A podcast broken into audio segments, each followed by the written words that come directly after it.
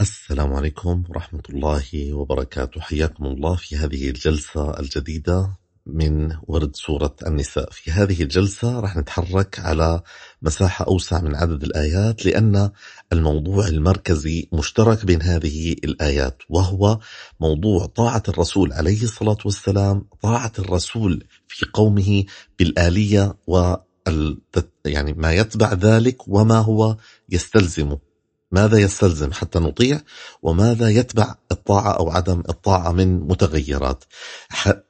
يعني سأبدأ من آخر آية ختمنا فيها الورد السابق وهي آية 51 التي قال فيها سبحانه وتعالى ألم تر إلى الذين أوتوا نصيبا من الكتاب يؤمنون بالجبت والطاغوت ويقولون للذين كفروا هؤلاء أهدى من الذين آمنوا سبيلا هنا تبدأ المسألة وهي الوصل بين النظر إلى ما جاء به الرسول عليه الصلاة والسلام وما جاء به غير الرسول عليه الصلاة والسلام والعودة أو المقايسة ما بين ما يتكلم به الرسول وما يتكلم به غير الرسول. هذا الموقف في تقديم ما تكلم به غير الرسول إشكالية تبدأ من خلالها مسألة المخالفة.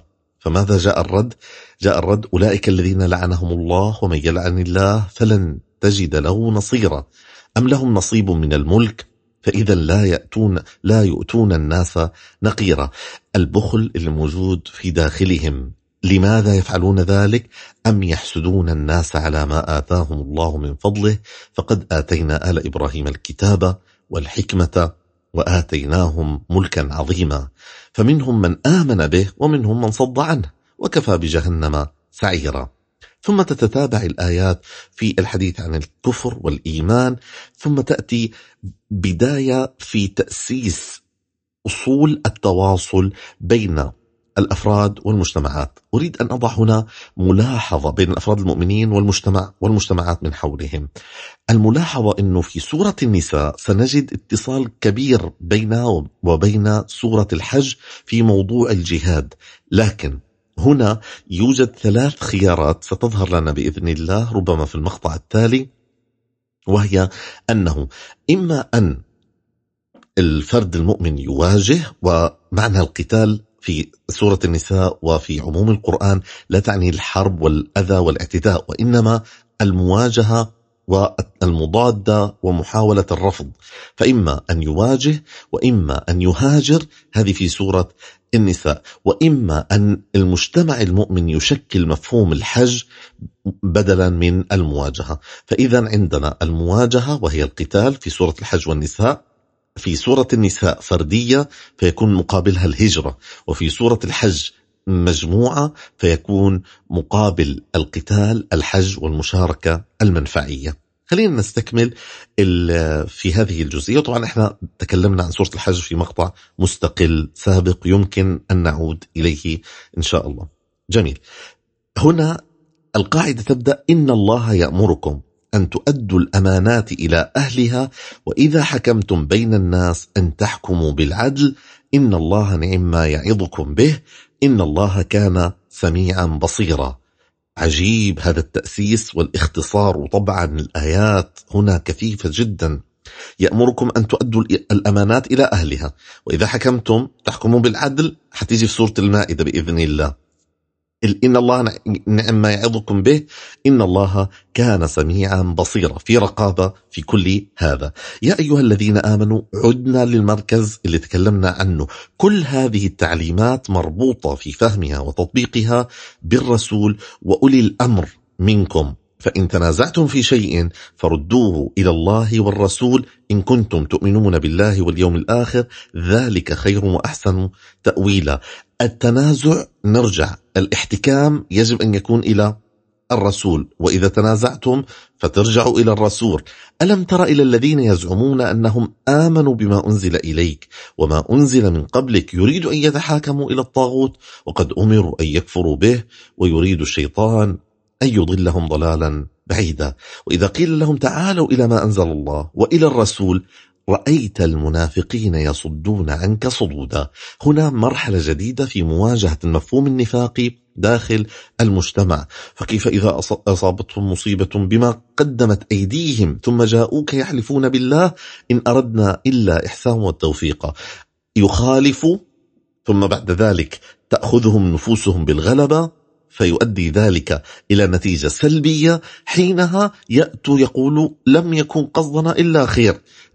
كيف يكون قصدك الخير وأنت لا تتبع الرسول ولا تنتهج نهجه حين يكون هناك توجيه في مسألة من المسائل؟ أولئك الذين يعلم الله ما في قلوبهم فأعرض عنهم وعظهم وقل لهم في أنفسهم قولا بليغا. صحيهم لكنه أعرض عنهم في نفس الوقت حين يعني قل لهم وأعرض عنهم لا تتفاعل كثيرا في هذا. وما أرسلنا من رسول إلا ليطاع بإذن الله. وجود الرسول يعني الطاعة. وجود التوجيه الرسولي يعني الطاعة لهذا التوجيه. وإلا فما معنى أن يكون هناك إيمان أو اتباع لرسول لا يطاع؟ ليست الفكرة في الكلمات وإنما في حقائق الاتباع. ولو أنهم إذ ظلموا أنفسهم جاءوك فاستغفروا الله واستغفر لهم الرسول لوجدوا الله توابا رحيما تحتاج توقف. لماذا يأتون إليك ليستغفروا الله؟ بينما لماذا لم يقل لاستغفر الله واستغفر؟ جاءوك فاستغفروا الله لأن عملية الاستغفار هي في العودة إلى الاستجابة للتوجيه الرسول. فلا وربك لا يؤمنون حتى يحكموك فيما شجر بينهم ثم لا يجدوا في أنفسهم حرجا مما قضيت ويسلموا تسليما. ولو أن كتبنا عليهم أن اقتلوا أنفسكم أو اخرجوا من دياركم ما فعلوه إلا قليلا منهم وكأن هذا مقارنة بين الفعل النفاقي وفعل الهجرة التي حدثت أو قام بها المهاجرين الأولين ويقوم بها المتبعين للنبي عليه الصلاة والسلام. هذا المعنى أنه لو أن كتبنا عليهم أن اقتلوا أنفسكم هنا اقتلوا لا يعني أن يعني يأخذ سكين ويقتل نفسه وإنما أن يقاومها وأن يصلحها وأن يبعد عنها شهواتها وأن يوقف تحكمها في نفس في في يعني في حياته. هذه النفس الظالمة. أو خرجوا من دياركم الهجرة. ما فعلوه إلا قليلا منهم. ولو أنهم فعلوا ما يوعظون به. الحمد لله هم مش محتاجين يفعلوا ذلك. إذا فقط يفعلوا ما يوعظون به لكان خيرا لهم أشد تثبيتا. لكان هذا موطن تثبيتهم. وإذا لأتيناهم من لدنا أجرا عظيما ولهديناهم ونعود مرة أخرى. ومن يطع الله والرسول فأولئك مع الذين أنعم الله عليهم من النبيين والصديقين والشهداء والصالحين وحسن أولئك رفيقا. إذا تحققت الطاعة حدث الارتقاء. ذلك فضل من الله وكفى بالله عليما. ثم الآن انتقل إلى موضوع التعامل مع القتال. يا أيها الذين آمنوا خذوا حذركم فانفروا ثباتا أو انفروا جميعا وإن منكم لمن لا يبطئن. الإبطاء في لحظات المواجهة. ثم يأتي التوجيه فليقاتل في سبيل الله الذين يشرون الحياة الدنيا بالآخرة ومن يقاتل في سبيل الله فيقتل أو يغلب فسوف نؤتيه أجرا عظيما. وما لكم لا تقاتلون في سبيل الله والمستضعفين من الرجال والنساء والولدان الذين يقولون ربنا أخرجنا من هذه القرية الظالم أهلها. هذا العتاب يوضح لنا لماذا يقاتل المؤمن الحقيقي.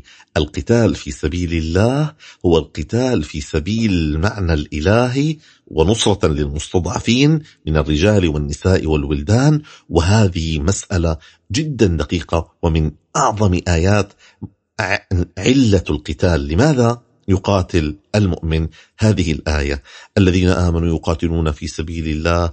ألم تر إلا الذين قيل لهم كفوا أيديكم وأقيموا الصلاة وآتوا الزكاة فلما كتب عليهم القتال إذا فريق منهم يخشون الناس كخشية الله أو أشد خشية. لاحظ هنا القتال ليس هو فقط بالمعنى الحرب وإنما التواجه مع الناس ولذا قال يخشون الناس كخشية الله أو أشد خشية. ربما من طبيعة القتال أن يكون هناك خوف من الناس طبعا خف الخوف غير الخشية لكن هذا له تفصيل إن شاء الله بإذن الله في وقت آخر. لكن لماذا حين يؤمر بالمواجهة يخشون؟ كأن هنا نوع من عدم الرغبة في الظهور أمام الناس بما هم يحملون من الحق والمواجهة. وقال وقالوا ربنا لما كتبت علينا القتال. لولا أخرتنا إلى أجل قريب وكأنهم يستثقلوا ذلك أينما تكونوا يدرككم الموت ولو كنتم في بروج مشيدة وهذا أقصى ما يخشاه الذي يحمل الحق ويواجه الناس به. وهذا أيضا هذه الآية مع أنها تتكلم عن القتال إلا أنها تتكلم عن مرحلتين. ألم ترى إلى الذين قيل لهم كفوا أيديكم وأقيموا الصلاة وآتوا الزكاة فلما كتب عليهم القتال.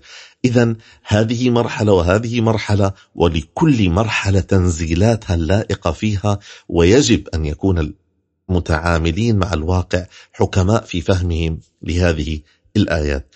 أينما تكونوا يدركم ما أصابكم من حسنة فمن الله وما أصابكم وما ما أصابك من حسنة فمن الله. وما أصابك من سيئة فمن نفسك وأرسلناك للناس رسولا وكفى بالله شهيدا. وهذا له أيضا معنى في القضاء والقدر جدا مهم. نعود مرة أخرى. من يطع الرسول فقد أطاع الله ومن تولى فما أرسلناك عليهم حفيظا. وهنا قلنا في أكثر من مرة أن هذه الآيات كما ترفع أن الرسول عليه الصلاة والسلام عليه أن يدفع بالناس نحو الإيمان. هي تقول له لست فما أرسلناك عليهم حفيظا. هي أيضا ترفع العتاب عن الرسول عليه الصلاة والسلام إذا الناس لم تؤمن. فكما هي صحيح تقول أنه لا يجب أن يدفع المؤمن الناس إلى الإيمان قهرا ولكن أيضا إذا قدم الإيمان لهم فلم يؤمنوا فهو ليس مخطئا ولا ملاما في ذلك وإنما كل شخص مسؤول عن نفسه. هنا بدأ يطرح مسألة حساسة شوية وهي موضوع المنافقين. ويقولون طاعة فإذا برزوا من عندك بيت طائفة منهم غير الذي تقول والله يكتب ما يبيتون فأعرض عنهم وتوكل على الله وكفى بالله وكيلا. حين يكون هناك نصح وتوجيه لمن هم يزعمون الإيمان ويتبنون الإيمان فأمامهم أحد أمرين. إما أن يكون طاعة حقيقية وإما زعم لطاعة. فإذا كان الزعم بالطاعة أعرض عنهم وتوكل على الله وكفى بالله وكيلا. أفلا يتدبرون القرآن؟ ولو كان من عند غير الله لوجدوا فيه اختلافا. كثيرة. ما أعجب الآيات وما أعجب وضوحها وتوجيهها وما أعجب الإشارة لأنه أنتم مستوعبين هذا الكلام؟ تدبروا القرآن؟ لو أن من خالف تدبر القرآن لوجدوا عظيم لأنه لو كان من عند غير الله لوجدوا فيه اختلافا كثيرا. وإذا جاءهم أمر من الأمن أو الخوف أذاعوا به ولو ردوه مرة أخرى إلى الرسول وإلى أولي الأمر منهم لعلمه الذين يستنبطونه منهم. وهذا معنى جديد. إذا ارتقينا من مفهوم الله والرسول الله والرسول وأولي الأمر إلى الرسول في التطبيقات العملية وأولي الأمر الذين يستنبطونه منهم اللي عندهم فقه الاستنباط والفهم. للمواقف فيعرفوا أن هذه الآيات تتكلم عن مثل هذه المواقف ويفهموهم الرابط ويصلح الحال أو تتكلم عن مثل مواقف الخوف أو الذي هم يذيعون به فحتهدأ النفوس وتعالج. فقاتل في سبيل الله لا تكلف إلا نفسك وحرض المؤمنين. عسى الله أن يكف بأس الذين كفروا والله أشد بأسا وأشد تنكيلا.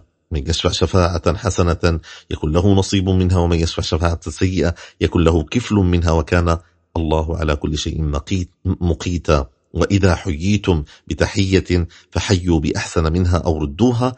إن الله كان على كل شيء حسيبا. الارتقاء في الشفاعة الارتقاء في التحية تابع لماذا؟ تابع لعملية التواصل ومركزية مفهوم التواصل اللي تكلمنا عنه في غير مرة في سورة النساء.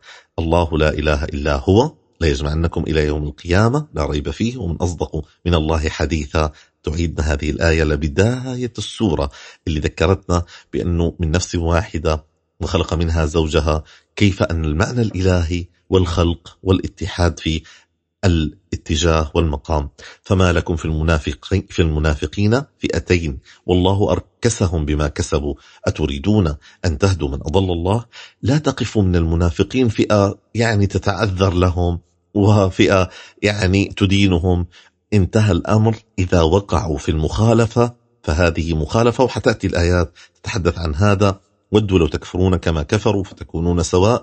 فلا تتخذوا منهم أولياء. حتى يهاجروا في سبيل الله. فإن تولوا فخذوهم واقتلوهم حيث وجدتموهم ولا تتخذوا منهم وليا ولا نصيرا. من العجيب أن مفهوم الهجرة حتى للمؤمن لا يكون له ولا عجيب جدا. لماذا؟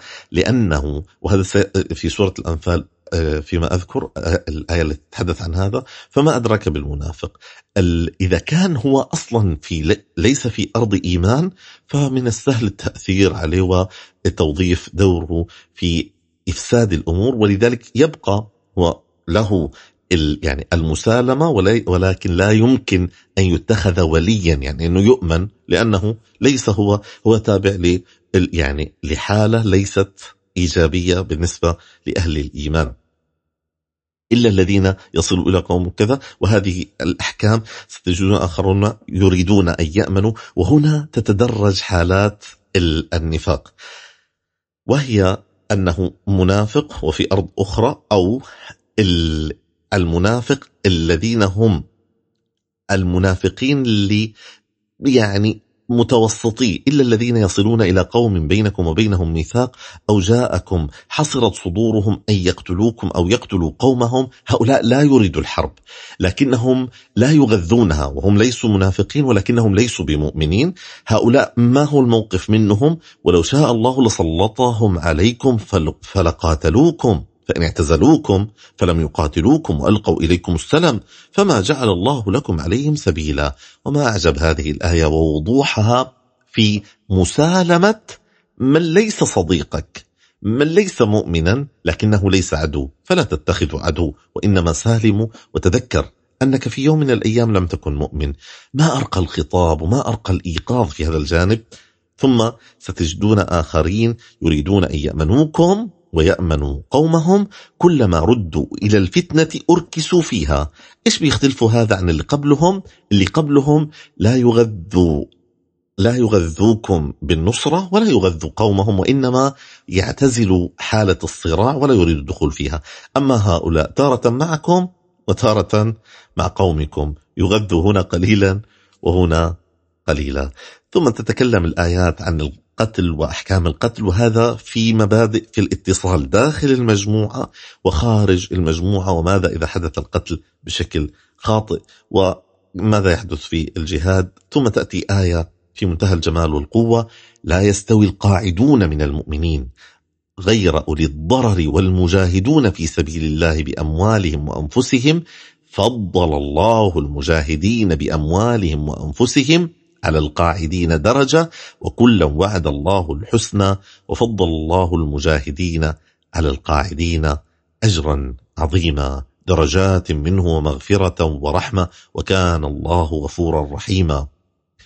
إن الذين توفاهم الملائكة ظالمي أنفسهم. قالوا فيما كنتم؟ قالوا كنا مستضعفين في الأرض.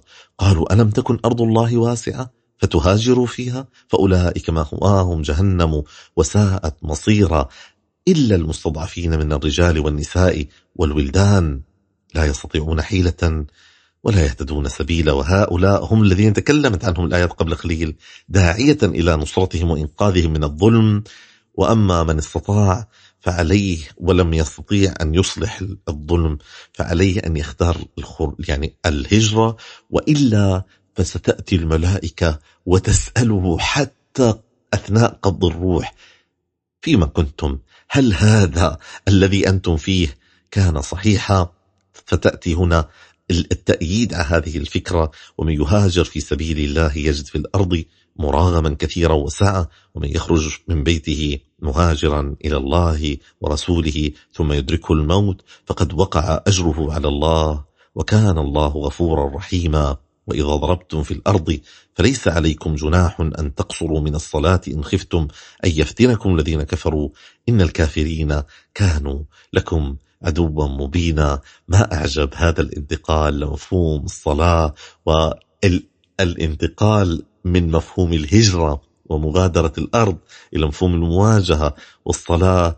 ثم بعد ذلك نتوقف عند هذا في هذا الورد وبإذن الله نستكمل من عندي هذه الآية في الورد القادم. ألقاكم على خير. والسلام عليكم ورحمة الله وبركاته.